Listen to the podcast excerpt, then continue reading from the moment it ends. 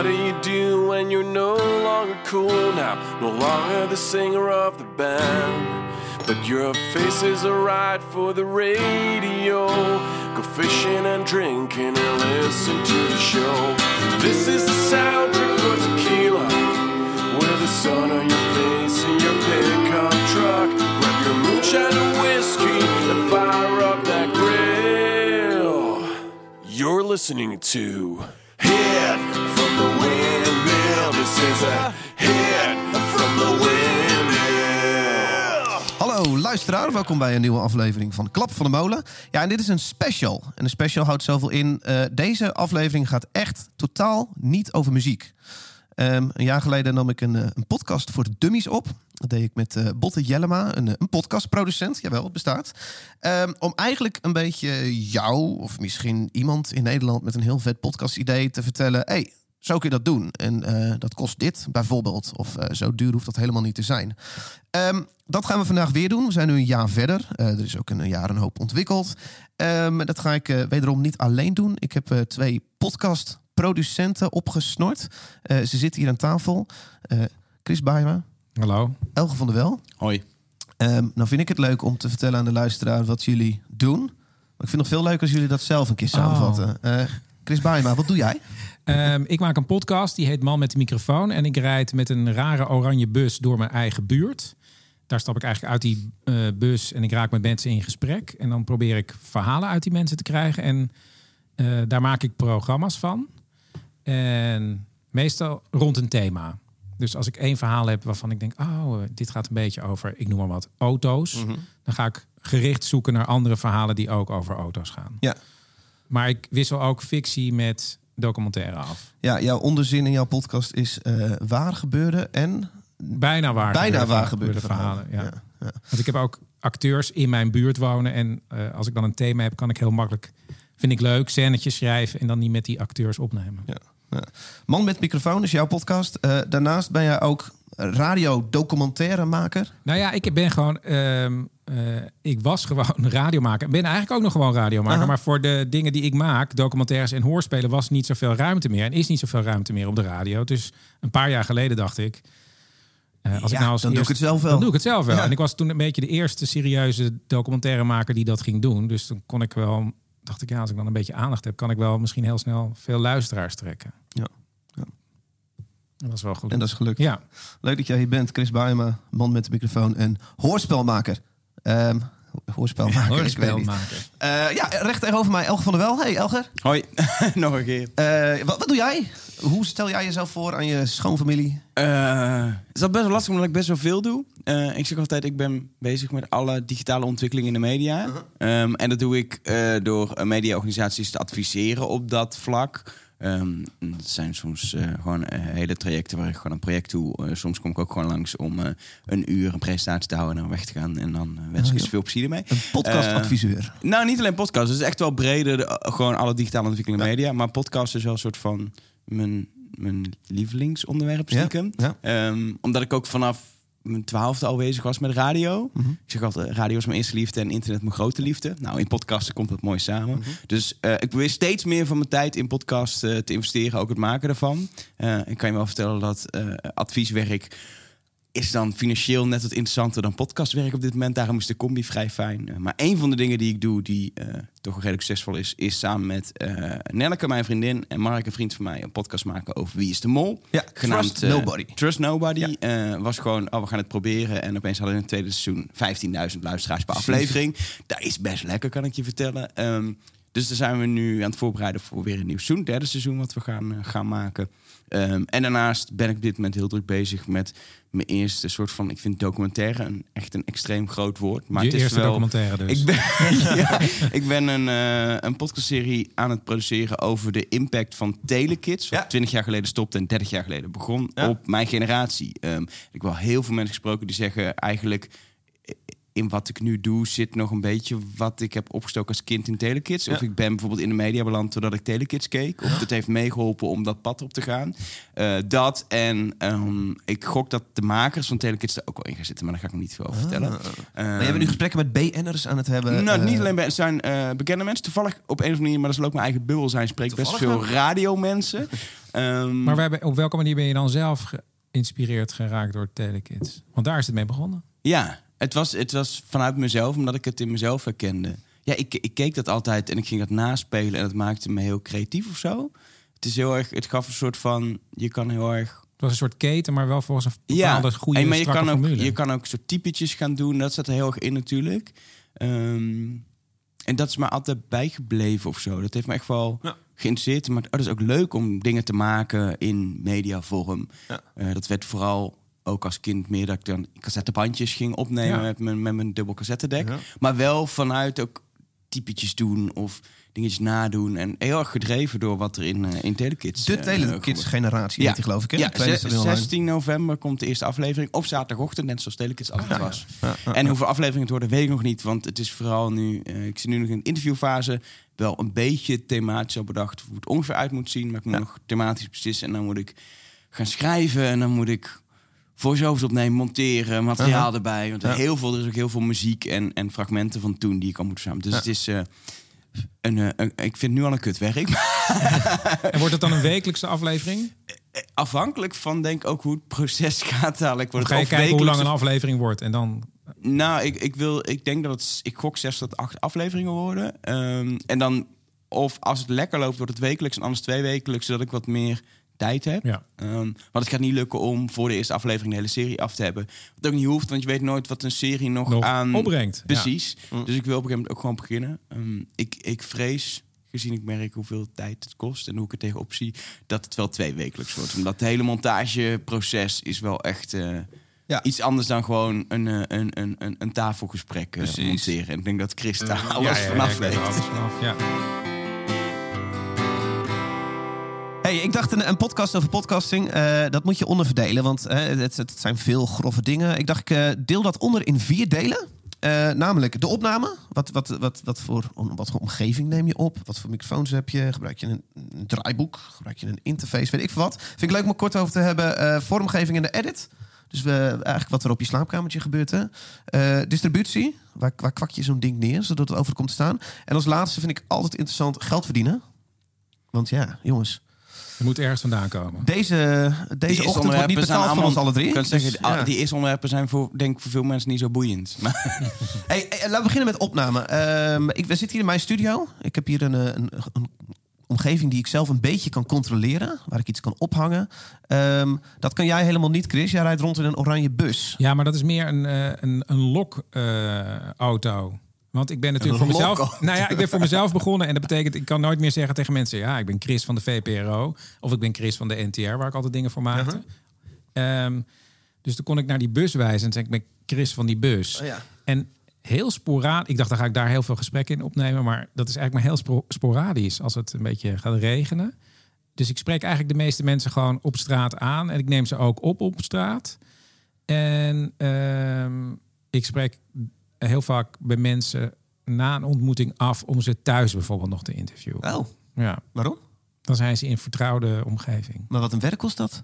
Ja, ik ben elke, ik ben een maand bezig met één aflevering. Een maand, vijf dagen per week. Nou, zo'n beetje wel. Ja, dus ik blijf er altijd over nadenken. Ik zeg niet vijf dagen per week, maar ik ben wel echt gewoon. Dus de eerste twee weken heel erg aan het rondrijden en dan eh, iedereen aan het spreken. Dan weet ik een thema en dan ga ik er weer verder op zoeken. En dan in de laatste twee weken ga ik al monteren en dan probeer ik ook nog extra verhalen te zoeken. En ik schrijf dan ook die scènetjes rond het thema met die acteurs die ik Ja. kan opnemen.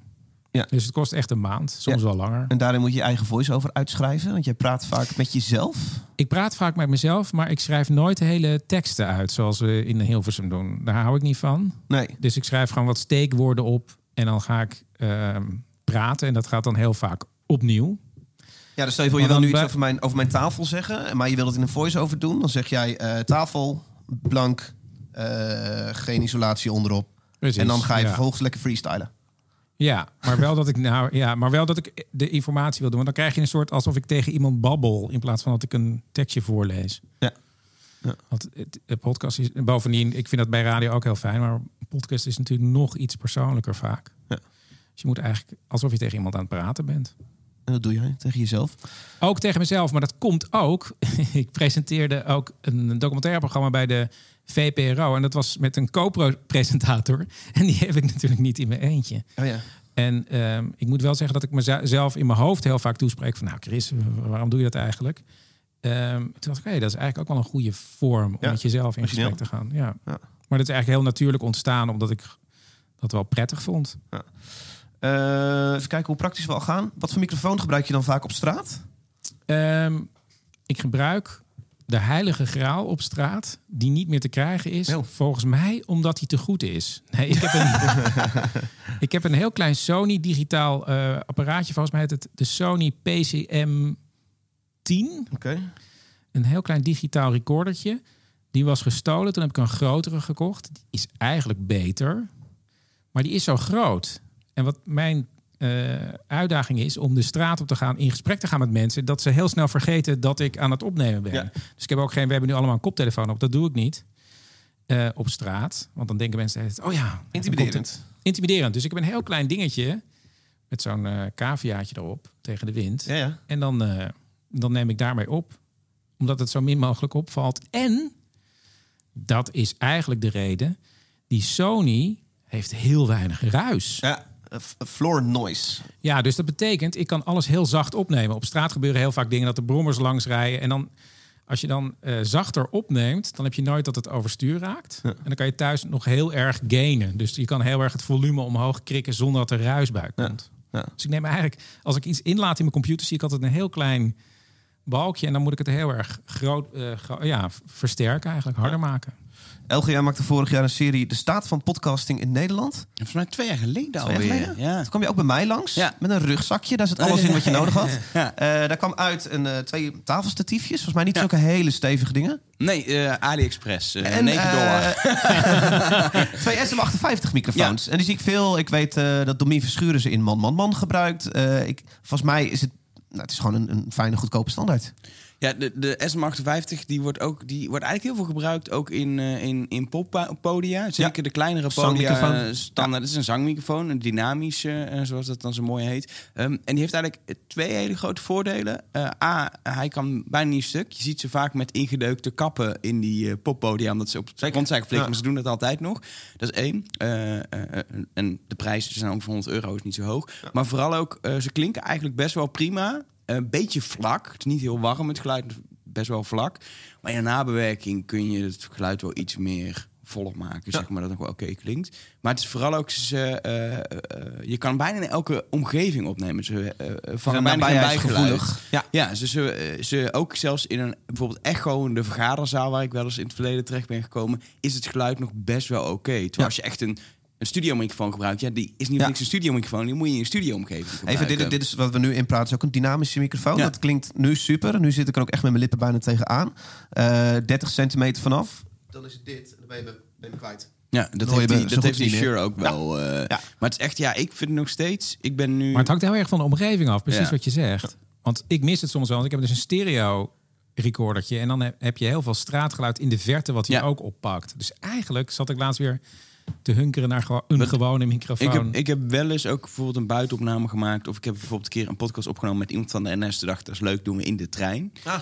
En toen dacht ik, ja, dan wil ik ook wel de trein horen. Wat ik toen heb gedaan is gewoon de... Ik gebruik zo'n Zoom H6 recorder. Ja, Ehm, even, dat is het, het apparaatje waar een SD-kaart in zit... en waar jij die eh, SM58-microfoons in prikt. Ja, die heeft vier standaardkanalen, maar hij heeft ook een stereomicrofoon erop. Ja. En wat dan grappig is, toen heb ik die stereomicrofoon gewoon een beetje de trein ingelegd, zodat ik het treingeluid opnam. Dat heb je dan als los bestand. Ja. En ik had gewoon een microfoon. En toen kon ik dus dat treingeluid in stereo er een beetje onder mixen. Nou, jij hebt controle Wa- over je omgevingsgeluid. Precies, waardoor je wel het gevoel dat je in de trein zat. En juist stereo geeft, zeker als je met een koptelefoon eh, luistert, geeft meer het gevoel dat je erbij bent. Ja, dat vind ik ook altijd, dat, ja. Dat zal jij heel erg Ja. herkennen met de manier Ja. waarop jij opneemt.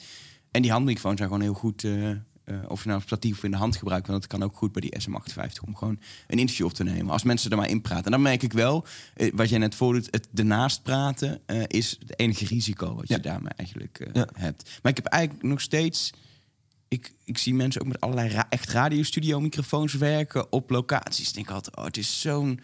ah, Je hebt zo weinig controle over de omgeving. En dat is bij die microfoons zo gevaarlijk. Dat ik, zeker voor opnames op locatie, eh, denk nooit afwijken van die, van die stomme dingen van 100 euro. Dat is Ja. gewoon prima een, Ja. een ding doen.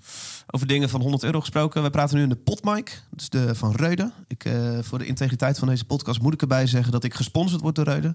Eh, dus eh, kijk hoe serieus je dit neemt. We praten nu in een Reude potmic. Speciaal Nou, ik, kan, ik kan zeggen, ik word niet gesponsord door Reude, maar ik heb thuis ook een Reude. Aha. En dat komt eigenlijk alleen maar omdat ik een keer Wessel van Diepen tegenkwam en die zei, er is een hele goede... Die USB, vrij- eh, ja, die heb ik. ja, Die NT1, eh Ja. NT-USB. Kijk, ja, ja, dat is een topding. Een topding. Ja. Ja, dat klopt. Ja, nou, dat het is inderdaad de grote Wester van Diepen, die neemt zijn dingen die je gewoon die op de radio hoort op met, Ja. met een USB-mic van nou, volgens mij zo'n Ja, dat 150 is- euro. of nou, zo. 180 volgens mij was hij. 180, Maar toen dacht ik, oh, en hij, deed, hij zei, ik doe allemaal voice-overs er ook mee. Toen dacht ik, oh, nou, doe ik ook. Dus Ja.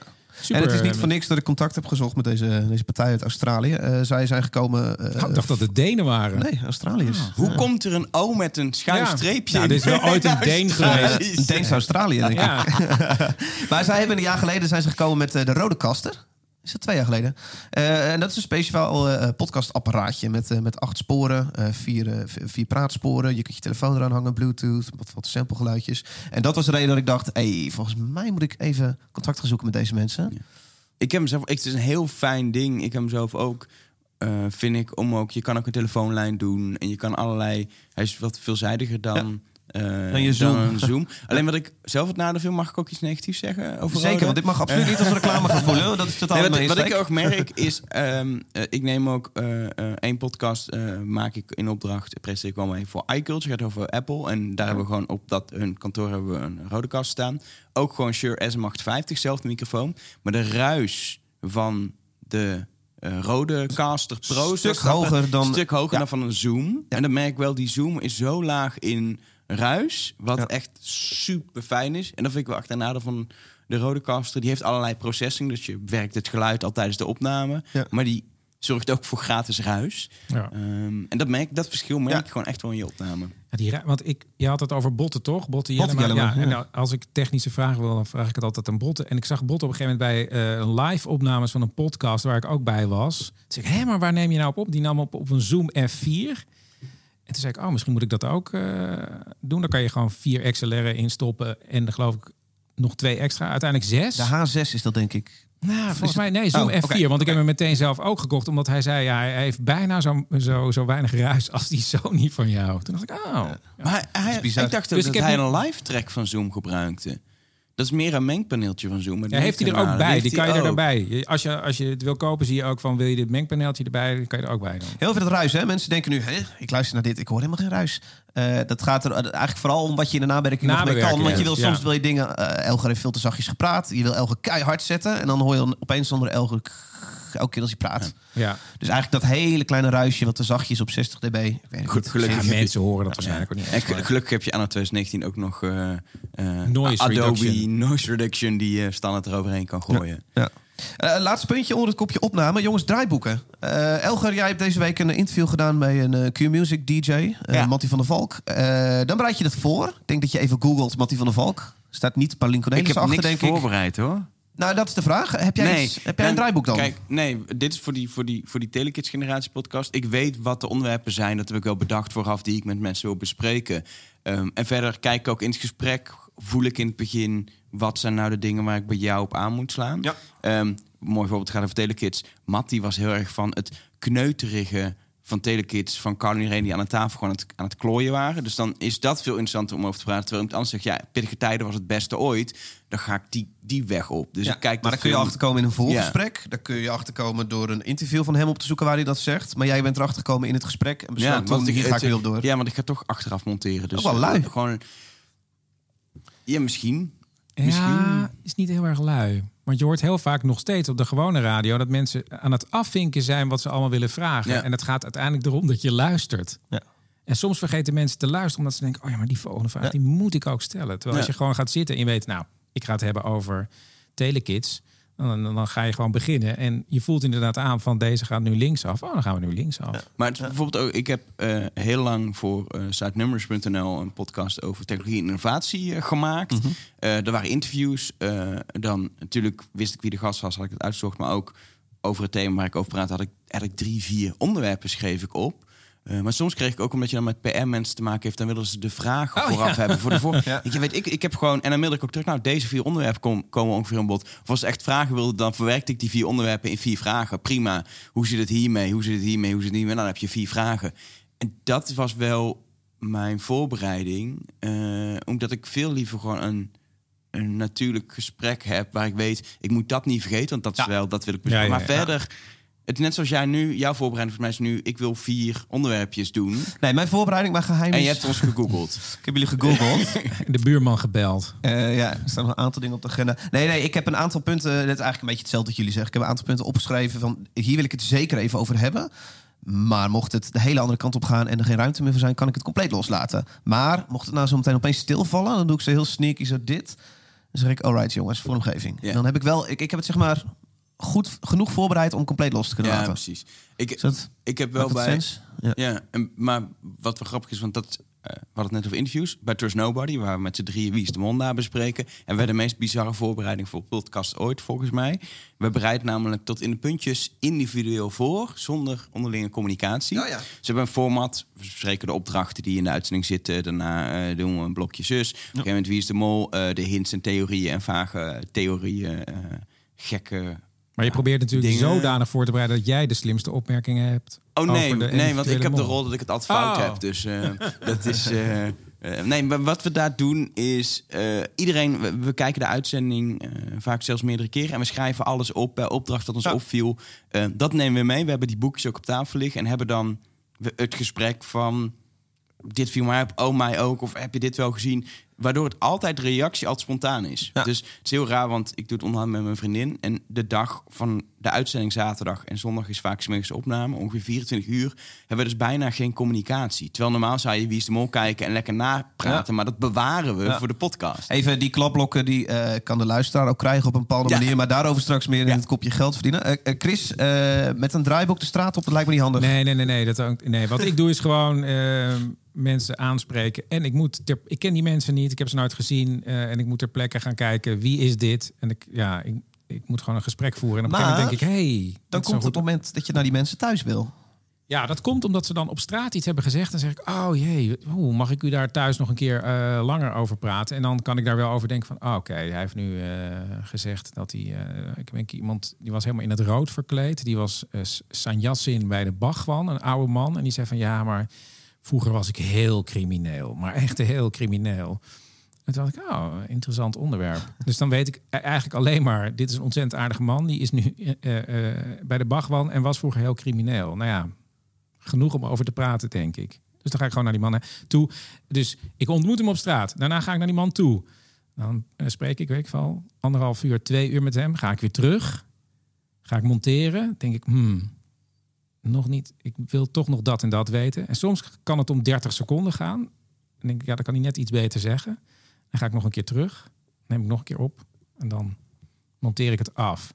En dat is ook het handige Ik van in je buurt alles werk. opnemen. Ja. Kan je gewoon een fiets pakken.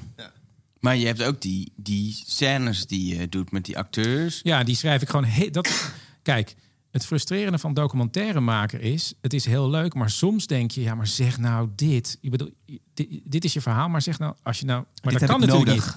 niet. Je kan natuurlijk niet iemand heel erg gaan regisseren hoe, hoe die het moet zeggen.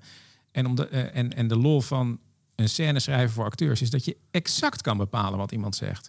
En die acteurs hoeven ook eigenlijk niet zoveel voor te bereiden, want ik schrijf scènetjes van twee, drie pagina's en die neem ik in stukjes op. Probeer ik ook los te komen van het papier. En dat gaat ook eh, een paar keer achter elkaar voordat het goed is. We gaan langzaam richting edit. Ehm, wij editen allemaal podcasts. Eh, of het nou onze eigen podcast is, of die voor Mijn derde. grootste hobby. Je grootste hobby. Eh, nou, ik heb laatst een, een verhalende, eh, true crime-achtige podcast gemaakt. eh, waarin je heel veel bezig bent met script schrijven, voice-overs, stukjes uitzoeken. En ik kwam erachter, en ik weet niet hoe dit, hoe dit voor jullie is, maar ik- dat de edit in dat hele proces mijn favoriete gedeelte is, omdat daar dingen landen. En dan specifiek nog muziek toevoegen, omdat opeens dingen heel goed gaan werken. Eh, dit gebeurt allemaal op mijn slaapkamertje, waar ik mijn speakersetje zo recht op mijn oren heb staan. En je doet dat het op er? speaker monteren. Ik doe het op speaker. Ja, nou, Ah, ik, doe, ik doe het op alles. Dus ik heb ook een, eh, een verrot Bluetooth boxje. Ik heb ook mijn oordopjes. Ik wil op alles wel weten hoe klinkt dit. Dus ik wil kunnen switchen. En uiteindelijk grappig, ja. landt hij in mijn, in mijn auto voor de autotest. Eh, en dan als ik 120 rij... Je lijkt wel Motown. Daar gingen ze ook op het laatst op eh, radioboxjes eh Ja, voor de autotest. autotesten. Ja, ja. Nou, hoe, hoe is het onder echt kutomstandigheden? Als mijn raampjes openstaan en ik 120 rij. Is, ben ik dan nog te verstaan? Is dan mijn gas nog te verstaan? Dit klinkt heel overdreven. Dat doe ik ook niet voor elke podcast. Maar eh sommige wel. Hoe ziet dat er bij eh, jou uit, Elger?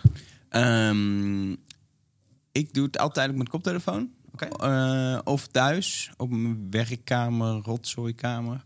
Tussen de was vaak, die daar ook moet hangen omdat mijn huis niet zo groot is. Ehm, dus dat heb je een beetje een beeld hoe dat eruit ziet. Of dat is bijvoorbeeld tussen Nobody, want dan, dan nemen we smiddags op en dan s'avonds, zondagavond monteer ik. Ja, dan ga ik niet op een kantoor zitten. Ehm, eh, monteer ik op werkdagen overdag, zeg maar werktijden. Dan monteer ik nu in een kantoor in het centrum van Utrecht. Ja. Gedeelde werkplek. En ik heb een nieuw kantoor binnenkort. Ja. Eh, waar ik dan zit, gewoon op een iMac met een koptelefoon. Wat voor eh, uh, edit-programma gebruik je? eh? Adobe Audition. Adobe Audition. Ik heb gewoon een paar standaard settings die ik over het materiaal heen gooi. Ik Ja. heb heel veel wat ik monteer tot nu toe is gewoon zijn meer interviews of gesprekken. Dat betekent dat je gewoon eigenlijk net zoals nu een aantal microfoons hebt, die neem ik dan los op sporen. Ja. Die bewerk ik allemaal na dat ze allemaal goed klinken. Ik gooi er een limiter overheen, waardoor alles nog iets meer plat slaat, waardoor dingen die zacht zijn iets harder worden en Ja. dingen die hard zijn iets zachter worden. Ja.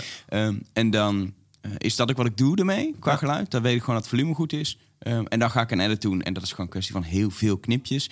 En mijn sport is wel, je mag eigenlijk nooit horen dat er een knip in zat. Nee. Eh, en ik heb ook echt een hekel als ik een podcast luister. Eh, zeker als het van een grotere mediapartij is en ik hoor een knip, dan denk ik, wie heeft dit geëdit? Ja. Dit, Ja. Ah. En dat hoor je dan vaak omdat een adempje net, net, Ja. net uh, Oh, het is, spelen met adempjes en uitjes is echt een, eh, een, een sport. Ik heb het ook. Ik heb heel lang bij de NOS op drie nieuws gedaan voor 3FM. En dan Oh. moet je alles in quotejes knippen van max 20 seconden. En dan leer je heel erg om iets kort te knippen. Mhm. Zeker eh, de tijd dat Ivo Opstelt minister was, moest ik quote van Ivo Opstelt wel eens knippen. Daar leer je op. Ja, dat soort dingen. Ja. ja. die kan in 20 seconden niks zeggen.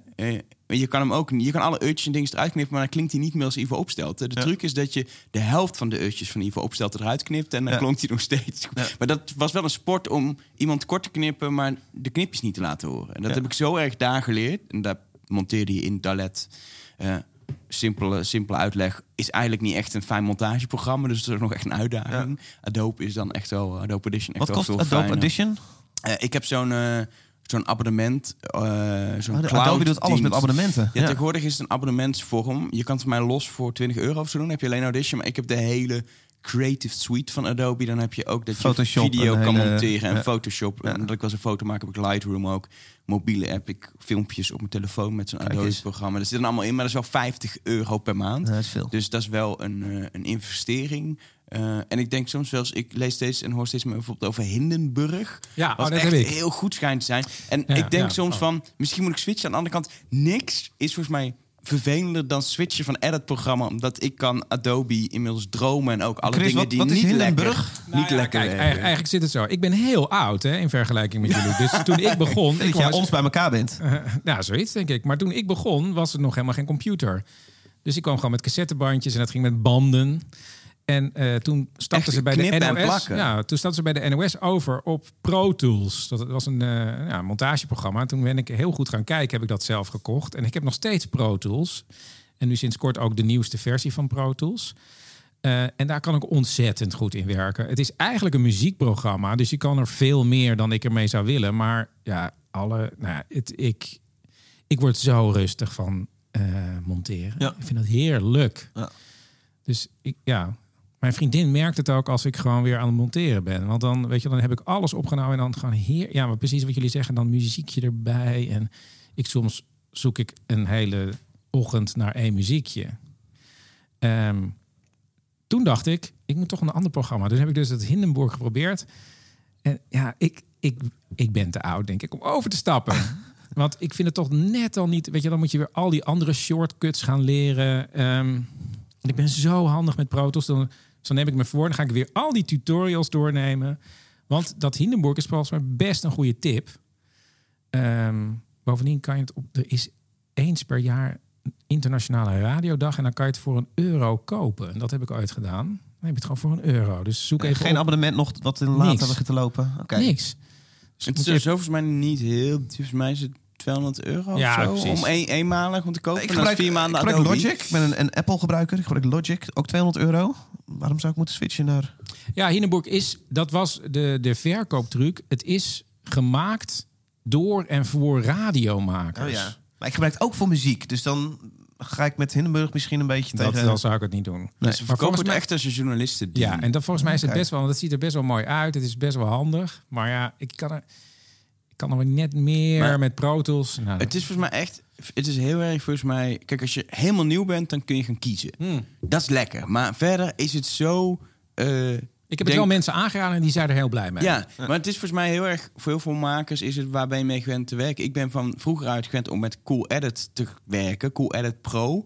Begin deze eeuw denk ik dat het was. En dat was... Iedereen had een illegale versie namelijk van Cool Edit. En dat is uiteindelijk gekocht door Adobe en is Audition geworden. Maar de basis, ook hoe het werkt, is nog best wel hetzelfde. Kan veel meer tegenwoordig. Maar omdat, ik denk, zeker mijn generatie heel erg... Tenminste, iedereen die ik toen kende gebruikte Cool Edit gecrackt gratis, illegaal.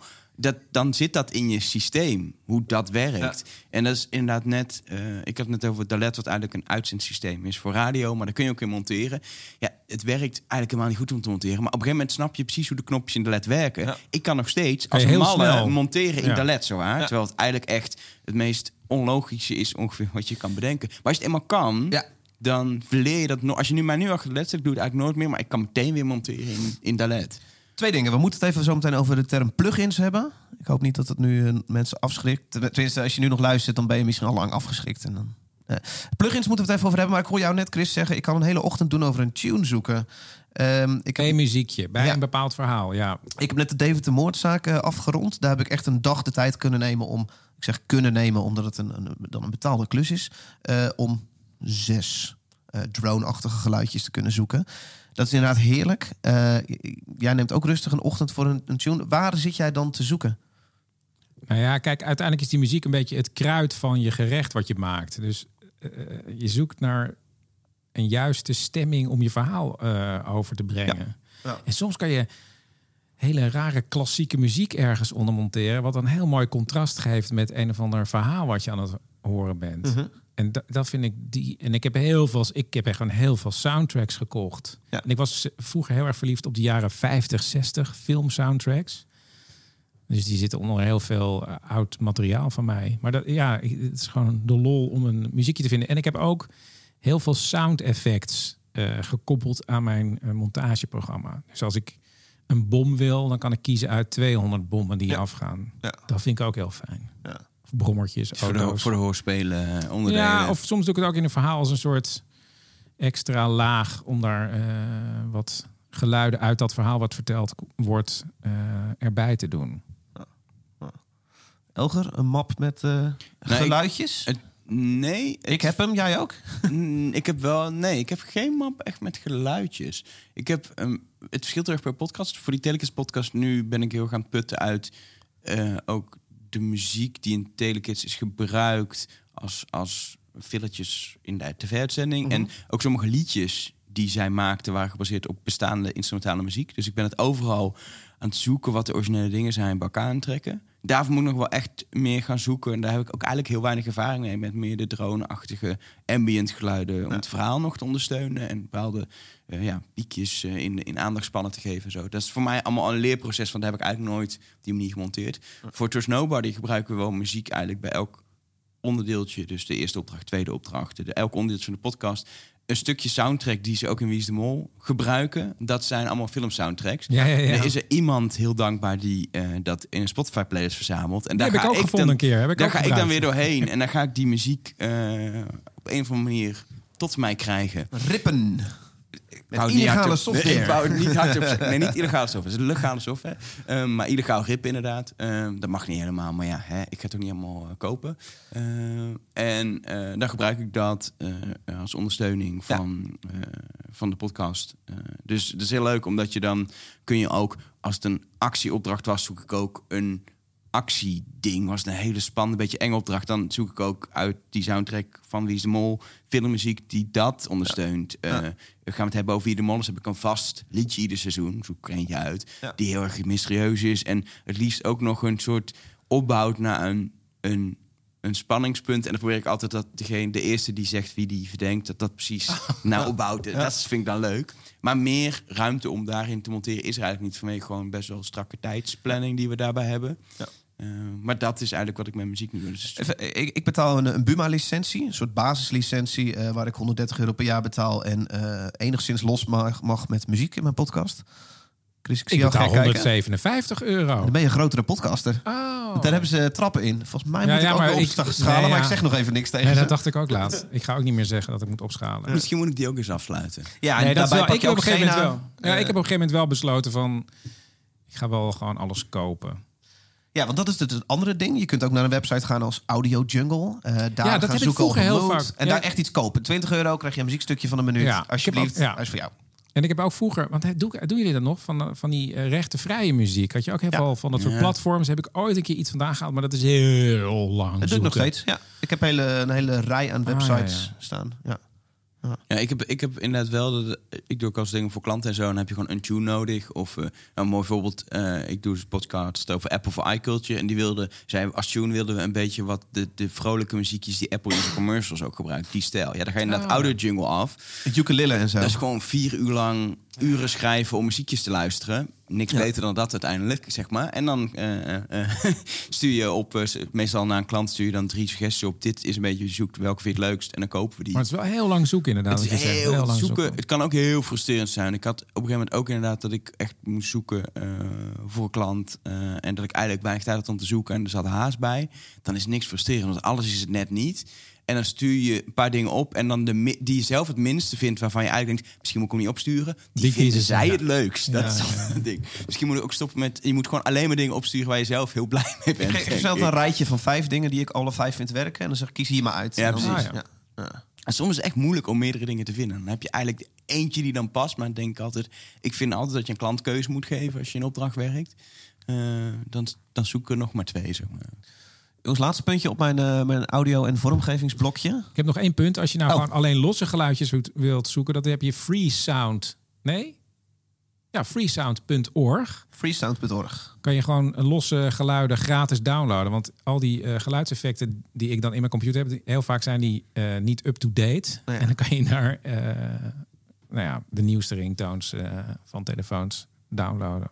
Oh, dat. Anders heb Ja, je die oude Nokia-tune nog. Nou, je, hebt, je hebt ook mensen die daar uploaden dat ze een marktje hebben opgenomen in Italië op 6 uur s ochtends of eh, s avonds. Nou ja, Heb jij een meest gebruikte geluidseffect? brommertje. Een brommetje. En waarom een brommertje? Want soms ben ik op straat en dan neem ik even een los brommertje op. Dan kan je er altijd onder monteren. Dus als je een knip Gewoon hebt die je niet... is. Nou ja, als je een knip Ah. hebt die, die je niet wegkrijgt, dan laat je een brommertje aan langskomen. Ja. Tip. Het is hetzelfde als dat ik Oh, dan, dan stoort je eigenlijk gewoon... Het, Dan gaat hij over de knip heen die je dan niet meer hoort. Ja. Dus als je ergens op locatie gaat opnemen, altijd de locatie opnemen. Weet nu, als je een man met de microfoon luistert... elke keer als je een brommetje hoort... Zit daar dat een Chris knip. zijn knipje niet heeft kunnen wegwerken. Jongens, laatste punt is ja, eh, plugins. Eh, eigenlijk de effectjes die je over een spoor... een geluidsopname heen kwakt. Voor dummies is het, hè? Ehm, plugins, jongens. Ehm, Ik hou heel erg van een echo. Een echo. Ja, ja, ik heb zo'n plugin met, eh, dan kan je kiezen of je in een eh, kerk staat of, eh, of niet. Oh ja, En dat werkt toch altijd wel. de galm. Wat, hoe klinkt De de, ruimte? galm, ja, want het heeft een soort. Als je naar radio luistert en je hoort een galm, dan is het heel vaak een herinnering bijvoorbeeld. Mhm. Dat werkt als een herinnering, net zoals als je naar tv kijkt en dan hoor je zo. Ja. Ehm, En door het sepia. CPA-effect. ja, dat is, en, op, en dat op audiogebied. En ik moet voor de. Kijk, ik hou heel erg zelf van een soort dynamisch programma. Dus bij mij, als je in de auto zit, kan je niet alles horen. Want ik, ik monteer echt af op een koptelefoon. En ik vind het ook niet erg als je niet alles hoort. Dat is een keuze. Ja.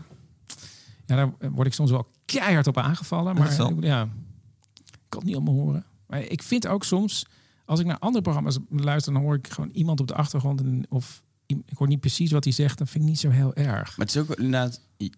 Want Je maakt, is jij zo- maakt echt iets anders dan Ja. zo'n gesprek als dit. Het is echt heel raar als het niet goed Ja, te dit moet gewoon verstaan is. verstaanbaar zijn. Ja, tuurlijk. Maar jij zegt, soms kan onverstaanbaarheid een doel dienen. Ja, dat je denkt, hè, dan ga je nog beter luisteren. Maar als ik voice-overs opneem voor, voor, eh, voor kunststof, doe ik een voice-over op Radio 1. Nou, die doe ik echt door, de, door een keiharde radiolimmerter... dat alles gewoon echt even sterk te horen is. En dat, ja, dan hoor je werkelijk alles. Dat vind ik zelf heel lelijk, maar ik begrijp wel dat dat heel goed is voor Ja, even zo- zo'n ding doet twee dingen, denk ik. Correct me if I'm wrong. Eh, als ik heel hard ga praten of heel hard ga lachen, dan drukt hij het keihard naar beneden. Zodat, zodat jij in de auto niet helemaal kapot schrikt of op je oordopjes. Eh, als ik heel zachtjes ga praten, dan drukt hij het Ja, keihard omhoog, omhoog. Zodat ja. jij, eigenlijk drukt hij alles samen en zorgt hij dat eh, hele dynamiek... eh, dat wat je in klassieke muziek zoveel hoort, dat dat vo- volledig verdwijnt. Precies. Alles één level is. Het hangt dus van je doel af. Voor een voice-over is het heel goed om, om gewoon een hele vette voice-over te hebben. Ja. Dus dat alles gewoon goed te horen is. Ja. En, eh, Een limiter. Eh, Elger, maak jij gebruik van eh, equalizer? Nee, ik, het enige wat ik doe eh, als ik materiaal inlaat is eh, eh, wel een heel lichte noise reduction. Ja. Voor mij is het helemaal niet nodig, maar het voelt gewoon heel fijn dat ik dat heb gedaan. Op Wat een doet de manier. noise reducer? Ja, die haalt in principe gewoon ruis, hele lichte ruis eruit. En dan doe ik een lichte, want je kan hem ook een zwaar zetten. Als je echt ruis hebt waar je vanaf moet, kun je zwaar zetten. Maar dan snijdt hij, ik noem het altijd, dan snijdt hij de hoekjes van het geluid Ja, dat weg. Dus gaat kan ten het- koste Ja, van een mooie blik- stemgeluid. blik- worden. robot, robo- Ja. robotische geluid. Ja. Ja, dus dat moet je niet doen tenzij je echt een opname moet redden bijvoorbeeld. Dat heb je heel soms. Ehm, en daarnaast wat ik doe is dan, dan, dan zet ik de volumes goed. Want die zijn nooit goed als je opneemt. Ja. Altijd iets te zacht, die zet ik goed. En dan op de losse sporen. Dus dan ga ik echt zitten tussen Ja. de vaste luisteren, stukjes te luisteren. Eh, ook harde en zachte stukjes. Hoe, hoe, hoe klinkt hij nu eens in? Dan denk ik, nou, volgens mij is hij wel gelijk. En dan gooi ik er een best wel heftige hard limiter op min 3 dB overheen. Ehm, waardoor ik hem eh, redelijk strak eh, leg in de pieken. Eh, en de rest trekt hij ook wat op. En dan wordt het geluid, ja, het, het, ja, het wordt wat, eh, de, de volumeverschillen worden wat kleiner. Strak in de pieken. Eh, alles boven de min 3 dB eh, zeg jij tegen. Ja. Ik wil dat je één op één dit gewoon Ja. naar beneden drukt En onder de min 3. gaat mis als je Brick wall. als hij te hard is. Dus ik zorg echt in mijn, in mijn als ik het volume zet, dat de piekjes niet te ver boven de min 3 komen. Uh-huh. Echt pieken natuurlijk wel, maar als er te veel boven komt, gaat hij hem heel hard plat slaan. En dan krijg je echt best wel hoe, zeg maar, hoe hoger je pieken zijn, hoe harder die limit en hoe harder dan een soort radio, hitradio effect ervan wordt. Ja. Ehm, zoals ik dat noem. Maar dat probeer ik altijd te voorkomen. Maar ik vind het gewoon fijn dat, die, dat ik gewoon weet dat hij op een gegeven moment geen extreme pieken meer heeft. Dan kunnen mensen hem gewoon op een fijn volume luisteren en weet je gewoon dat het wel overkomt. Elger, jij bent tevens eh, zenderbaas bij Glow FM. Ja. Daar heb je gewoon wel een vieze ordinaire radiosound. Ja, een nee, ouderwetse eh, zou ik willen zeggen. Dat is, eh, ouderwetse radiosound. dat is een Eindhoven lokale omroep eh, gericht op jongeren. Nou, die is, die klinkt, eh, die is ook wel door iemand ingeregeld, de processing zoals dat dan heet. Dus hoe het geluid klinkt. Door iemand die dat ook voor landelijke zenders heeft gedaan. Ja. Ja. dat is ook. Ik zeg het, als je dat opneemt en in een, in een programma inlaat die de waveform, dus de uitslag laat zien, is het gewoon een blok. Ja. Letterlijk. Want Ja. het wordt gewoon helemaal omhoog en platgeslagen. Waardoor het ja, voor de radio lekker klinkt. Maar ik heb zelf echt een hekel aan. Ik word er ook heel moe van. Als ik een podcast heb die voice processing heeft gekregen. Of processing heeft gekregen, bewerking heeft gekregen, compressie, hoe je het wil noemen. Eh, zoals eh, je gewend bent van muziekradiozenders. Is niet naar te luisteren. bij King Podcast hoor je het, eh, omdat het vaak ook lineair op de radio wordt uitgezonden, hoor je vaak gewoon echt de radioprocessing erover. Ja, ik kan daar niet naar luisteren heel lang. Want de, de, het, het is heel vermoeiend om daar lang naar te Ja, en luisteren. vaak ook niet zo nodig, omdat 80% van de consumenten toch gewoon oordopjes in heeft. Ja. Eh, en dus ook echt wel dat stemmetje achteraf verstaat, eh, mocht die er zijn. Ja, dat is ook dat is bijvoorbeeld heel grappig. Het is een ding bij Trust Nobody. Eh, wij zitten aan een tafel en je mag ook horen dat we aan een tafel zitten. Dat we in ons boek, boekje bladeren. En je kan het er allemaal uitfilteren. Je kan ook allerlei trucjes doen, wordt heel technisch. Maar dat bepaalde volumeniveaus naar beneden komt, dat het helemaal weg is. Maar daardoor kun je ook heel makkelijk ruis en allemaal achtergrondgeluiden weghalen. Maar dan hoor je ook ons bladeren in de boekjes niet meer. En als er iets fijn is, is het het bladeren in... eh, Die boekjes, daarover in, straks eh, meer. Boekjes. Ehm, Twee keer over die Chris, wil jij, boekjes nog, wil jij nog iets toevoegen? Anders ga ik naar het kopje Nee, ga eh, maar door, ja. distributie. En daar gaan we het een beetje kort over houden. Misschien is dat wat saaier. Eh, distributie. Eh, waar zet je je podcast neer? Waar upload je hem uiteindelijk? Zodat hij in Spotify, iTunes, eh, overal terechtkomt. YouTube misschien zelfs. Ehm, wij zitten bij de Chris aangesloten bij eh, Dag en Nacht Media. Dus wij, Dat betekent, dit is al lang voor ons bedacht. ja, ik deed het vroeger. Ik weet niet, hoe deed ik het vroeger? Nou, ik, had ik heb eh, Squarespace op een gegeven moment gekocht. Omdat er, eh, er werd heel veel reclame voor gemaakt Ja. in Amerikaanse podcasts. Precies hetzelfde reden heb ik het inderdaad gekocht. Ja, heel raar programma. Ik wil er eigenlijk alweer vanaf. Maar ik heb nog steeds een, eh zal maar zeggen, mijn pagina manmetdemicrofoon.nl is een Squarespace eh, programma. En dan kan je een heel makkelijke link maken naar de iTunes Store. En als je in iTunes staat, als je een link hebt naar de iTunes Store, kan je ervan uitgaan, dan word je door alle apps opgepakt. Behalve mijn favoriete app Stitcher. Dus dan moet je je Dan dan moet je weer zelf zelf, ja. even aanmelden. Ehm, en op een gegeven moment ben ik naar dag en nacht gegaan. En jouw Wat- host was Squarespace, heb ik nog nooit gehoord. Ja, of was het Dat is eigenlijk waar je hem uploaden dus. Ja, dan Ik heb meer mensen gehoord die Squarespace gebruiken om podcast te hosten. Er zit een Ja. functie in blijkbaar. Ik wist het ook niet. Ik zei ook tegen je kan toch niet in Squarespace je podcast ho- hosten? Dan worden ze heel boos over de datalimiet. Maar Ja. zei, diegene zei, nee, er zit een Nee, functie in Squarespace om dat zelfs te doen. Ja. Maar die maken daar ook reclame mee. En uiteindelijk is het natuurlijk gewoon... Je, je kan net zo goed een, een site hebben... als je maar een RSS-feed kan doorsturen naar eh, iTunes. Ja. Dus eigenlijk Ja. moet je gewoon een pagina hebben... waar je elke keer een podcast op Precies, zet. maar als Ja. je mp3's op je standaard website hosting doet, dan ga je wel hard door datalimieten Ja, heen. precies. eh. Nou, Want even, dit is wat het is. Je uploadt ergens je podcast. Dat staat dan op een server. En vervolgens... eh, Het is gewoon een mp3'tje, krijg je voor linkje, duidelijkheid. een linkje van die, van die server. Een mp3'tje inderdaad. eh, en die verbind je volgens aan Apple, Spotify. Dus jouw bestandje staat totaal niet bij Spotify in een database. Eh, nu staat die van jou dus bij Art19, een host. Die ja, dat heeft dus dag en nacht media... waar wij dus bij zitten. Die hebben Art- stinkend rijk maakt. Nou, valt ook alweer mee. Ehm, maar dat is een heel handig programma voor een bedrijfje wat advertenties ergens voor wil plaatsen. Want wij eh, eh, loaden het gewoon up of uploaden ons programma. Zetten we daar in, dat, eh, in eh, Art19. En dan kan, kunnen de mensen van Dag en Nacht Media daar vervolgens... Die zetten dan vlaggetjes, noemen ze dat. Voor of midden in de podcast. En dan kunnen ze in zo'n vlaggetje kunnen ze een advertentie erin en er weer uithalen. Ja. En zij hebben ook volgens mij eh, de link gemaakt naar Spotify. Dus we zijn ook allemaal te horen op Spotify.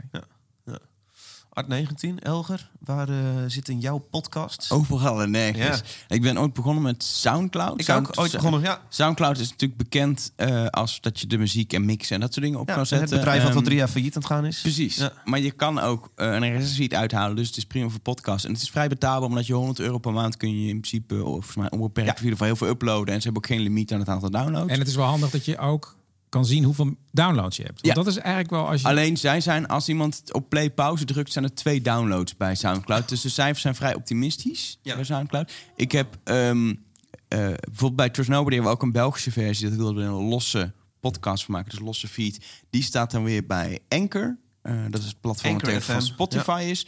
Een gratis platform. Eigenlijk een beetje een soort social media functie voor audio wilde gaan worden. Ja, daar kun je ook een podcast soort van online in maken en semi-monteren. Ja. Eh, ik gebruik het echt alleen eh, om dan te uploaden. Het nadeel van Anchor vind ik weer dat het is een, als iets gratis is, dan weet je ook nooit of het morgen nog bestaat. zei- ja, ja. Dus Anchor heb ik wel gebruikt nu, maar dat ben ik ook een beetje, zeker nu het voor Spotify is, vind ik best wel eng wat ermee gaat gebeuren.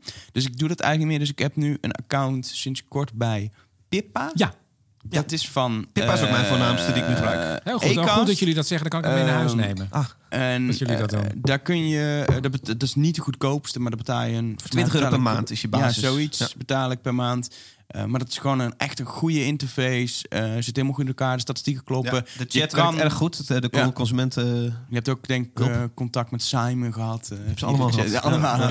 Ehm, en ze hebben ook voor studio's, eh, als je meerdere podcasts maakt, dat je een account kan beheren. Of dat je voor je klanten eh, erbij, dat zij het wel betalen, maar dat, dat jij het wel kan uploaden als je voor klanten. Dit is wat ik het meest, het meest gebruik met klanten. Ik heb een podcastproductiebedrijf, het podcastkantoor, waar we nou zitten.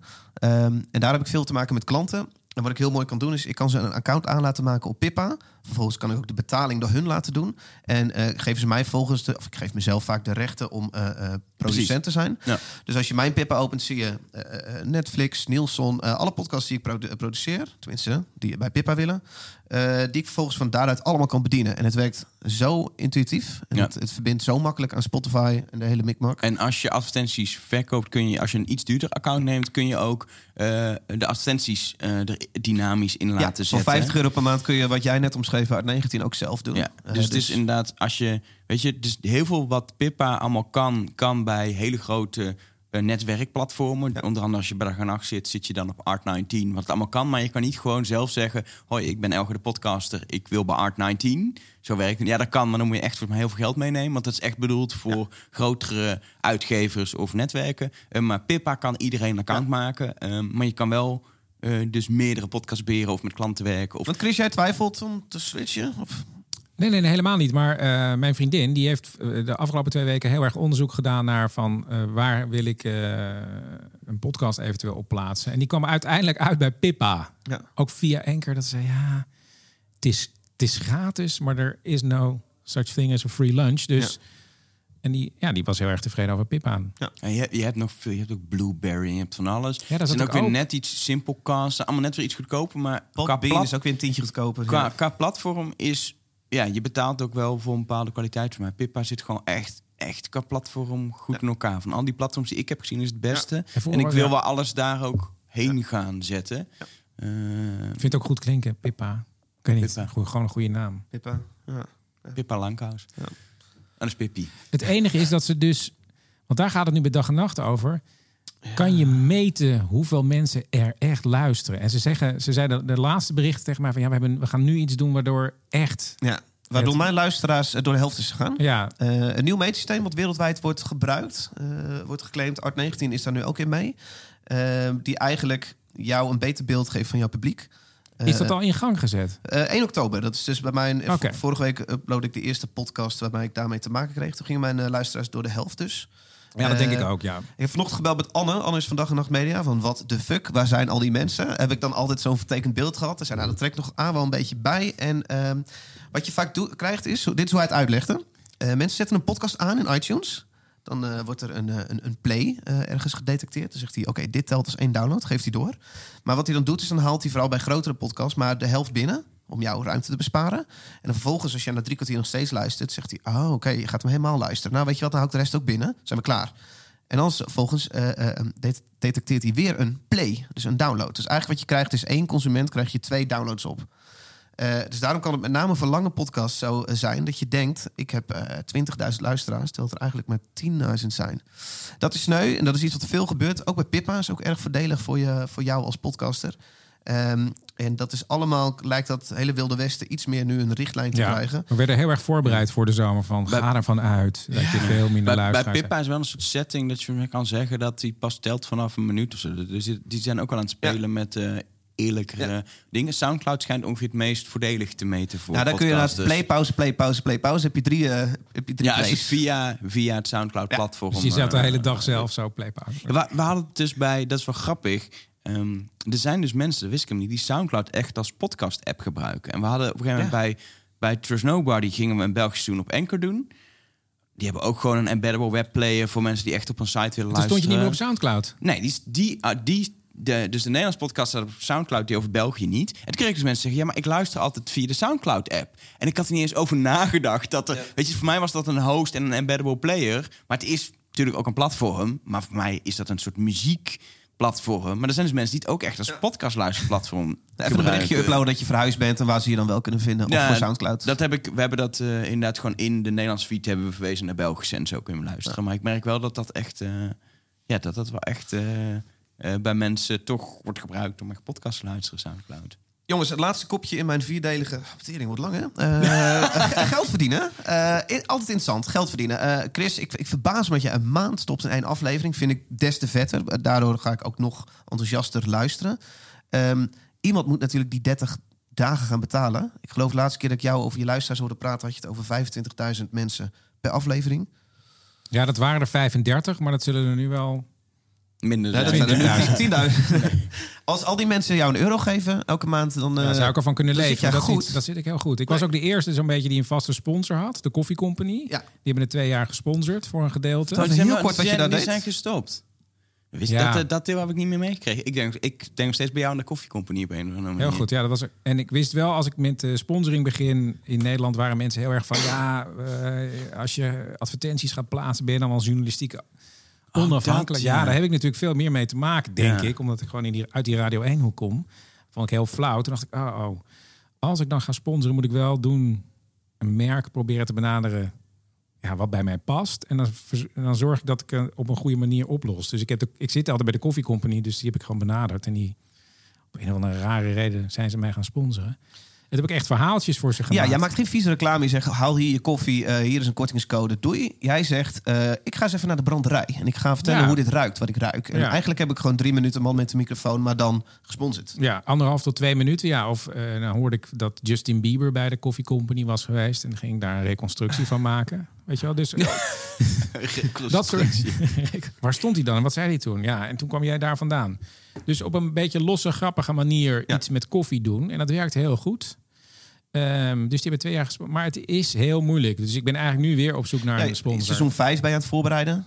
Ja, het- ja. Jij bent op daar, voor- een deel van het voorbereiden is zoeken naar een sponsor. ja, dus en dat is best wel moeilijk. Ik dacht, nou, nu is er een soort tsunami aan podcast. Maar het nadeel van mijn programma is ook dat het niet zo heel veel uitkomt. Maar Dus je, je kan zit, beter- je zit bij dag en nacht. Ja, die, die, en Die die- zoeken ook naar een sponsor dan, toch? Of niet? ja, maar die hebben ze ook niet gevonden. Oh. Nee, dus ik zoek eigenlijk een hoofdsponsor die is maar zeggen een derde van mijn kosten zou kunnen betalen van een jaar werk. En, maar, en nu heb ik alleen die eh, losse eh, advertenties. Ik denk wel dat ik binnenkort zo'n knop ga maken. Want ik ben me, ik heb, ben- heb mezelf ooit. Een knop? Nou ja, dus je, ik heb mezelf ooit geafficheerd als ik ben gewoon de kleinste omroep van Nederland. Ik denk, ja, dan kan je ook lid worden. Je kan bij mij een clubkaart kopen, maar volgens mij een doneerknop komt er, denk ik Oh ja. binnenkort. Dat raakt een klein beetje aan Patreon Ja, eigenlijk. Elge, daar heb jij ervaring mee. Goede ervaring. Goede ervaringen Ja. mee. Nou komen we eindelijk bij die verdomde klapblokjes van jullie. Eh, de, de grote bruine boekjes. Ik weet niet hoe ik ze moet noemen. Wit, noemen Mensen konden boekjes van jullie krijgen. Eh, nou, niet alleen boek. Kijk, wat wij hebben, wat wij hebben gedaan, wij zijn toen Snowboardy gewoon begonnen voor de hobby en voor de leuk. En eh, weet je, op een gegeven moment zou het mooi zijn als je iets verdient, maar dat, als het nooit zou gebeuren, dan hielden we rekening mee. Dus eerst toen hebben we vooral geld uitgegeven, want we hebben wel gewoon een logo laten designen en wat hosting. En los van alle tijd gaat er al geld in zitten. En het tweede seizoen dachten we, we hadden toen na het eerste seizoen 2000 luisteraars per aflevering. Wat als er nou 1 op de 1000 eh, een tientje doneert, dan heb je al 20 euro. Gedurende het seizoen kun je misschien je hosting en, en, en zo al dekken, weet je. Zou mooi zijn. Dus wij zijn eh, Patreon gaan lanceren. Dat is een eh, soort crowdfunding site. Maar dan, crowdfunding. ja, dan op donaties gericht voor, voor creators. Dus of je nou muziek maakt, of YouTuber bent, of, of poëzie schrijft, of je maakt eigenlijk niet uit, iets creatiefs doet.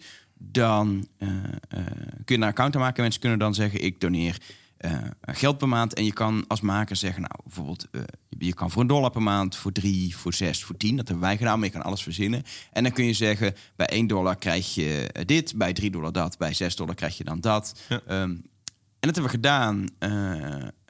Ik zal zo even ingaan op wat mensen nou krijgen. Maar dat liep helemaal uit de hand.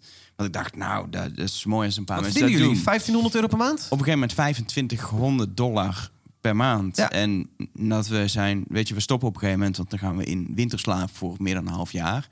Ehm, dan gaan er wat mensen weg. Maar nu voor het nieuwseizoen, zodra we weer beginnen, zetten we hem weer aan, zoals ik dat noem. Ja, de sleutel is, weer- waarom zou ik jullie geld geven? Wat krijg ik zulke vette dingen ervoor terug? Ja, dat Nou, boekje natuurlijk, met al wat- jullie schetsen kijk- en, en theorieën. Nou, niet eens. Het is een leeg boekje wat je krijgt voor Oh. je eigen schetsen. Oh.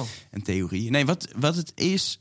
Kijk, wat, wij zitten best wel met Wie is de fan community. En we hebben gewoon een heel eerlijk verhaal verteld. Eh, we maken dit, het kost heel veel geld en tijd. Ehm, we, willen, eh, we hoeven niet rijk van te worden, maar het is wel fijn om er iets aan, voor terug te krijgen. Je kan doneren, dus we zetten het echt in als donatie. Ja, krijg je wel iets voor terug. Dus wat we hebben gedaan is, ehm, bij 1 dollar krijg je naamsmelding, bij 3 dollar krijg je stickers. Superleuk, want dan gaan mensen dat op een laptop plakken. En dan Ja. heb je nog een Reclame. wat is naamsvermelding? Eh, dan zeggen we je naam in de podcast. Gerry heeft de podcast Ja, gesponsord dus we deze hebben, maand. maar waren op een gegeven moment waren we 30 namen aan het Ja. voorlezen elke week. Kregen we weer boze luisteraars die zeiden wat een irritant blokje met die namen. Ja. Maar we hadden niet verwacht dat we 30 namen moesten voorlezen. Ehm, bij 10 dollar krijg je een boekje en eh, vanaf 6, dus 6 en 10 ook nog toegang tot extra afleveringen, interviews met oud-kandidaten, dat soort presentatoren, dat soort dingen. En we merkten dat uiteindelijk mensen heel erg doneren wel ook willen je steunen, maar zeker ook vaak omhoog ging op een gegeven moment naar de 6 dollar of dat gingen steunen, omdat die exclusieve content bij een podcast over Wie is de Mol, mensen dat zeggen ze bij Wie is de Mol zelf ook. In die periode dat het op tv is, kunnen mensen 24-7 naar mij bezig zijn. Alles wat er is, kunnen ze tot zich nemen. YouTube-filmpjes tot Maar hoe krijgen ze die extra content dan? Ehm, je kan op Patreon eigenlijk een RSS-feed maken die een soort persoonlijke key heeft. Dus persoonlijke sleutel. Eh, dus je hebt een eigen RSS-feed. Dus je krijgt een RSS-feed, die kun je in een podcast-app plakken en dan kun je downloaden. Eh, of via de Patreon-app kun je ook Ja, of je, je kunt ook gewoon een post doen, zoals jij op Instagram een post doet. Ja. En dan zet je erbij, ik wil alleen dat mensen die mij voor 10 euro of meer per maand sponsoren, deze post zien. Dat is een... Ah, eh, wat grappig. en Ja, kijk, daar ben ik dus niet. Dus eigenlijk heel goed deze ochtend moet goed mij. opletten. Want ik ben veel te, ik ben veel te slecht daarin, man. Ja, en ehm, wat we ook nog hebben gedaan uiteindelijk, dat was helemaal niet aangekondigd, maar weet je, we hebben ook de helft van het geld dat we hebben opgehaald teruggestopt in de podcast, maar vooral ook in de community. Ik denk 40% is naar de community gegaan. Dat zijn boekjes, eh, stickers, et cetera. We hadden een WhatsApp-hotline, ook super populair. Konden mensen appen over een theorie of audio-appjes doen die we in de podcast deden. En het feit... Mensen mensen is een pen en papier aan het zoeken. mensen die, eh, vonden het ook echt- schrijven. het is een beetje raar. We hadden echt een soort van. Ja, ik wil bijna zeggen fans. Want mensen die het dan heel bijzonder vonden om echt contact met ons te hebben. Waar wij echt ja, dit ben ik niet gewend als, als, als gewoon normale eh, kleine maker... dat mensen echt zo tegen je opkijken. Ja. En we hebben dus een, eh, uiteindelijk ook nog een laserschiet-event gedaan... Eh, want in Wie is de Mol staat atleetschietopdrachten. Dus we hebben het Parktheater in Eindhoven afgehuurd. Lege zaal in de zomer. laserschietbedrijf ingehuurd. En met tientallen luisteraars gelezen schieten. En die vond het superleuk om dat met ons te doen. En wij alleen nog maar leuker om een keer die mensen te ontmoeten. Ja. Dat soort dingen. Dus we hebben echt wel geprobeerd een, een community te maken van die. Donateurs. Dat, ja, dat zijn onze trouwste fans. Laat ze elkaar maar ontmoeten. Laat ze mij maar ontmoeten. eh, zo. ja. En het nadeel is, enige nadeel is wel dat we uiteindelijk drie uur per week dingen aan het opsturen waren. Want Ja. iedereen die dus doneerde, kreeg of vaak stickers of een boekje. Met een persoonlijk briefje erbij en een envelop die geschreven moest worden. Dus terwijl ik zat te monteren, zaten Mark en Elke soms wel drie uur lang te Ja. schrijven. Ehm, en dat hadden we een beetje onderschat. We hebben het met liefde gedaan, zeker. Als je, nou, je krijgt er ook wel echt donaties voor terug. Mhm. Maar we hebben dat, dat zo. We hadden ook nooit verwacht dat we zo groot zouden worden. We hebben in totaal meer dan 500 donateurs gehad. Ja, dat, Even eentje die ik hierin wil noemen. We hebben nu over Patreon. eh, waar ik, ik heb een metal podcast elke maand. Daar bespreken we de hardste metal, metal tracks. Ja, die ken ik wel. Nee. Zes losse tanden heet die. En wij zijn net een Petje Af pagina begonnen. Ja. Petje Af is de Nederlandse variant van Patreon. Oh, ja. Een erg vriendelijke uitstraling ook. En daar kunnen mensen dus een petje afnemen voor wat je doet. En een Ja. petje afnemen eh, kost dus 1 euro, 3 euro of ik, 5. eh, of... Je kunt ook gewoon ervoor kiezen, dat doen wij, om niks ervoor terug te geven. Wij zeggen gewoon, deze show is gratis, maar niet gratis om te maken.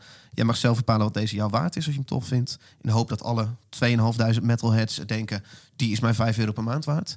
Eh, dus dat, die wil ik zeker genoemd hebben. Petje.af. Ja, ik, ben, eh, ik ga daar zelf eh, voor de telekids generatie ook eh, Ja.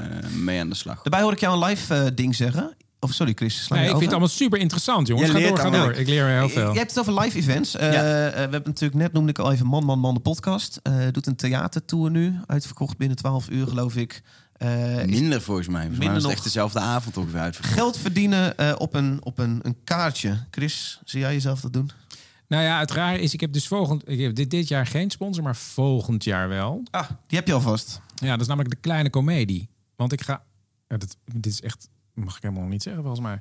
Nou, ik ga er uiteindelijk een avond in de kleine komedie verzorgen. Ja. Eh, en dan maak ik ook eh, een soort deal dat ik ook verhaaltjes Dit voor hun maak. twitteren, jongens.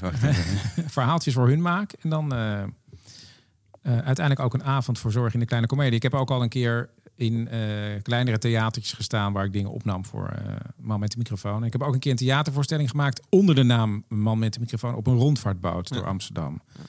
Eh, dus ik probeer wel overal die naam aan te koppelen. Slim. Elger, jij doet dus dat ding waar mensen... Oh, en dat kan ik nog wel. Want ik maak ook. ik heb vorig jaar een kersthoorspel met eh Paulien, mijn vriendin, gemaakt. En dat gaan we dit jaar weer doen. Nou, dus dit, is, dit is gewoon echt leuk nieuws. 8 december gaan we in Bellevue live een hoorspel opnemen. Het kersthoorspel. Live. Ja, dus dat kan je bij, daar kan je bij zijn. Eh, dus dan nemen we een hoorspel op, s'avonds. Bellevue, 8 december. 8 december, Bellevue. En dan wel gewoon het kaartje kopen. Dat is Kaartje eh, kopen, top. ja. ja. kaartje kopen en dan, eh, nou, dan monteer ik dat voor de kerstvakantie tot drie delen die je dan eh, kunt krijgen. Leuk. Ja. Echt wel uniek om bij te zijn. Lijkt me. Ja, oh, jij gaat super, nu super Chris een ding verkopen. Nee, nee, maar ik zit, ik zit echt te denken... Ik, Nee, is ook echt heel leuk. Ik zit even denken, geld verdienen hebben we alles gehad. We hebben het over ads gehad, sponsors, Patreon, lidmaatschappen, Ja. live, betaalde content, merchandise. Ja, ik- verkoop Ja. nog t-shirts. ik ben daar ook nu mee bezig. Eh, ik vertel allemaal dingen die, allemaal nog, die ik nog niet naar buiten wilde hebben. Ja, maar dat maakt niet Ik uit. denk nu dat alleen nog een paar nerds luisteren. Precies. Ik denk dat Botte Jellema nog luistert. En dat is het ook wel. Nee, ik ben, kijk, ik ben voor de Telekids generatie. Leent zich natuurlijk perfect voor merchandise waarop staat ik ben van de Telekids generatie. Dus ik heb ook wel echt een designer een mooi logo laten maken. Ja. Dus eh, eh, t-shirts ben ik mee bezig. Maar ook eh, in Telekids Carlo had natuurlijk altijd een petje op. Dus ik zit ook kijken naar petjes. Alleen ik ben nu in het ding, oké, merchandise. Alleen je zit altijd met bepaalde aantallen die je moet kopen. Ja. Eh, en ik zit nog, ga ik, een, ga ik nu een webshop runnen bijna? Daar heb ik eigenlijk, ben, ik ben niet op aard om een webshop te runnen. Ik ben op aard om een podcast te maken. Maar ik wil wel ergens iets van Ja, geld ja. verdienen. Want het kost veel te veel tijd. Ehm, dus ik zit nu wel te denken om dat toch eh, via... Want ik wil ook een petje afdoen dat je het dat via petje afgaat. Ehm, eh, maar ik weet nog niet per se hoe. Want dat hebben we bij To Nobody een klein beetje fout gedaan. Als iemand 10 dollar doneerde en na een maand weer weg was... kreeg hij een molboekje stickers... En wij waren 15 dollar ongeveer, 15 Ja, dat is euro een risico wat je kwijt. neemt. Als hij twee aan maanden kosten. blijft hangen, dan verdien je 5 euro Precies, aan. maar ik wil eigenlijk wel naartoe dat ik niet hoef bij te leggen op iemand die snel weer stopt met doneren. Dat is gewoon een niet zo'n economisch handig systeem. Ik hoorde ook wel eens van eh, makers die. Een Amerikaanse maker die had ook via Patreon volgens mij dat mensen lid werden. En die ging zich schuldig voelen toen hij zelf stilviel. Want mensen betaalden door en die moesten dan allemaal weer geld. Maar hoe werkt dat eigenlijk bij Patreon? Je Kun het- jij het zelf ook stopzetten? Je kan het gewoon pauzeren. Wij Jij kan het als maker Ja, stopzetten. we moeten, we willen moet- nu geen geld meer krijgen. Dat hebben- doen we bij Ah. Nobody. Ik moet, bij Patreon is het wel, je hebt twee opties. Je moet het of je moet je hele pagina deactiveren en die kun je weer activeren en dan zijn alle mensen weer terug. Maar dat vind ik heel raar, want dan je je dus Patreon. echt verdwenen bent. Ja, Ja, Dus eh, je kan hem ook eh, pauzeren voor een maand. We, we hebben donaties per maand, dus je kunt hem per maand eh, pauzeren. Ehm, En dan kan je dus elke, stel, als je een half jaar uit de lucht gaat, kan je hem zes maanden achter elkaar pauzeren. je, je moet steeds op, in, in de maand. Dus in mijn agenda staat naast facturen Oh sturen, staat in mijn agenda Ja. ook Patreon pauzeren. Ja. En dat is zo'n actie op de eerste van de maand. Wat je ook kan doen eh, bij Patreon en ook bij Petje Af, is een donatie per aflevering. En dan betalen mensen dus ook niet. Maar Maar zeg ik jij, weet, hey, de nieuwe man met de telefoon staat online. Dan zeg je incasseer. En dan gaat hij bij iedereen zeggen, yo, hier is die. En dan bla bla bla, incasseer. maar mijn ervaring is zo, ik heb een podcaster. Is dat eh, petje af? Dit is petje Ja. punt af. Petje punt af. Ja. Ik, ik heb bij een Ze zien je komen. ik heb bij een podcaster gehad dat ik elke maand doneerde eh, via Patreon. En dat ik op een gegeven moment dacht... ja, ik ben nu al vier maanden vijf dollar per maand aan het betalen. Ja.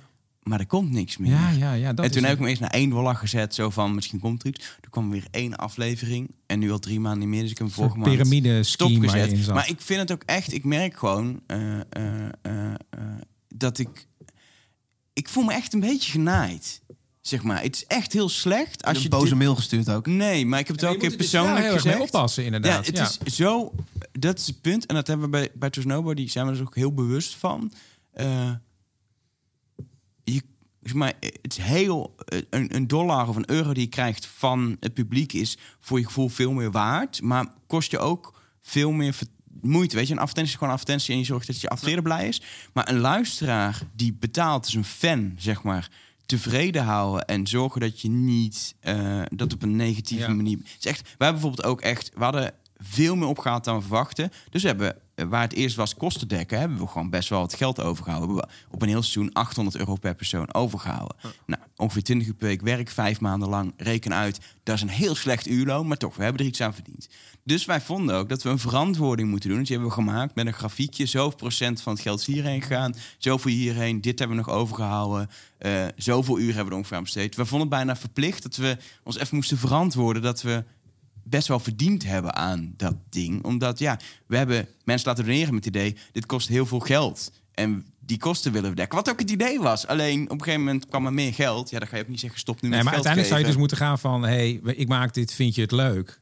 Geef dan geld. Ja, maar het is ook wel... Mensen geven het ook wel omdat ze denken... Want Bruce Springsteen, ja, Ja. die heeft het ook niet echt nodig, toch?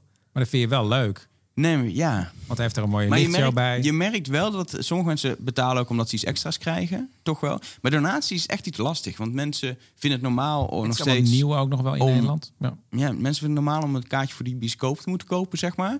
Maar films moeten al op Netflix staan, want die ga je toch niet meer on-demand kopen. Eh, en podcast eh, doneren is helemaal... Ja, podcasts zijn toch gratis? Dus de meeste mensen doneren niet. Terwijl ze wel elke week gratis, of elke maand, of hoe vaak... echt kwalitatieve content krijgen. Ja, ik had het ook al met. Ik had een t-shirt en een clubkaart waar je niks mee kan. Maar ik merkte ook als. Dan, dan eh, dacht ik, nou, dan doe ik eens in de drie, drie weken. Kijk ik even. En als mensen dan een t-shirt hadden besteld, maar dat was er nog niet, kreeg ik mailtjes waar blijft mijn t-shirt nou? Ik zeg, ja, maar sorry, ik, ik, ik wacht even, want anders ben ik de hele tijd naar de, het postkantoor aan op het een lopen. moment inderdaad het issue dat eh, we eh, stickers die liet op zich wachten. We hadden nieuwe stickers nodig. We hebben ook acht keer stickers besteld. En als we steeds dachten, nou nu is een Ja. klaar met nieuwe. En dan kwamen er weer tientallen bij, moesten we stickers bestellen. Ehm, en dat op een gegeven moment echt mensen mailtjes moesten, ja sorry, maar we, we zijn out of stickers. We kunnen niet meer sturen. Op een gegeven moment, eerst kregen mensen drie, toen gingen we al naar twee. Op een gegeven moment hebben we zelfs één moeten sturen. Want we dachten, dan kunnen we in ieder geval iets sturen. Beetje lullig, oneerlijk. Maar, maar op een gegeven moment hadden we echt geen stickers meer. En dan hadden we ook de enveloppen maar vastgeschreven. Die lagen al klaar. En we voelden ons zo schuldig Ja. dat we niet... Van eigenlijk binnen een week moet je het ongeveer wel opsturen. Eh, dat lukt dan soms niet. Dus we hebben echt ook een post gedaan van... Sorry mensen, het duurt wat langer. Eh, we zijn, dus ze komen echt. En dan is het ook snel goed uitgelegd. Ja, maar dat is het echt. Ik vind ook gewoon die, die openheid, transparantie, eerlijkheid en die benaderbaarheid, die zijn heel belangrijk, vind ik, met uh, Jongens, met ik ga afsluiten met de woorden dat ik nog no- nooit gasten heb gehad die zo correct in de microfoon spraken. Als jullie twee vandaag. Daar wil ik je enorm voor bedanken. Het gaat me schelen in de montage en het floor noise optrekken. Eh, dank jullie wel voor een klein inkijkje in wat, bedankt. wat jullie doen. Eh, ik vond het oprecht heel interessant om te weten. Eh, of jij het oprecht interessant vond, dat weet ik niet. Ik weet niet eens of jij nog hangt nu. Eh, maar eh, mocht je tot dit deel hebben gehaald, ik hoop dat je iets aan gehad hebt. Ik heb eh, een lijstje onder deze podcast staan met alle dingetjes, producten die we genoemd hebben. Eh, zodat je even op kan opzoeken van, oh, dat softwareprogramma wat Chris nu tof vindt, dat, oké, ja. Daar moet je dus allemaal affiliate linkjes van maken, hè, qua verdienmodel. Dus dat ze dan, als ze dan, bij, via mij, ja, daar, dat je bij Bakshop koopt, dat jij weer een percentage en dan moet ik Bakshop geld... bellen of die dat oké vindt. Ja, die hebben wel zo'n affiliate programma. is gewoon een tip, hè? Ja, ik heb het ge- ik, heb het geprobeerd, maar zij, tips, zij willen man. niet zo goed kletsen. Nee, nee. Nee, ik heb ook wel eens een keer heel lang geleden een eh, mailtje gestuurd. Ja, Bax is ook echt... Ja, nee, daar kan ik dingen... Ik koop alles bij Bax. Ja, maar het is... Dat is het punt. Je moet bij Bax kopen als je iets in de audio doet Dus, ongeveer. eh, bovendien die is drie straten verder. Ja, maar het, mijn, de klantenservice en zo is... Nee, is mijn ervaring. Eh, ze zijn vooral heel goed en heel groot zijn. En een beetje... De, iedereen, de wereld is een beetje afhankelijk ze- van Bakshop, zeg maar. eh, Ja, in maar het verbaast op zich dat zo'n winkel kan overleven aan de andere kant. Ja, maar juist doordat ze de, ongeveer de enige enige zijn. zijn. Laten we ze alle drie nog even mailen met affiliate linkjes. en, eh, en jongens, dank jullie wel voor de komst in deze studio. En luisteraar, eh, we zijn over twee weken weer terug met een reguliere muziekaflevering. Eh, niet dit hele droge gelul, maar gewoon... Je hoort nu echt zuchtende luisteraars die denken, ah, gewoon Als je fijn. heel zacht hoor ik zo. Ja, gezucht. Eh dankjewel jongens.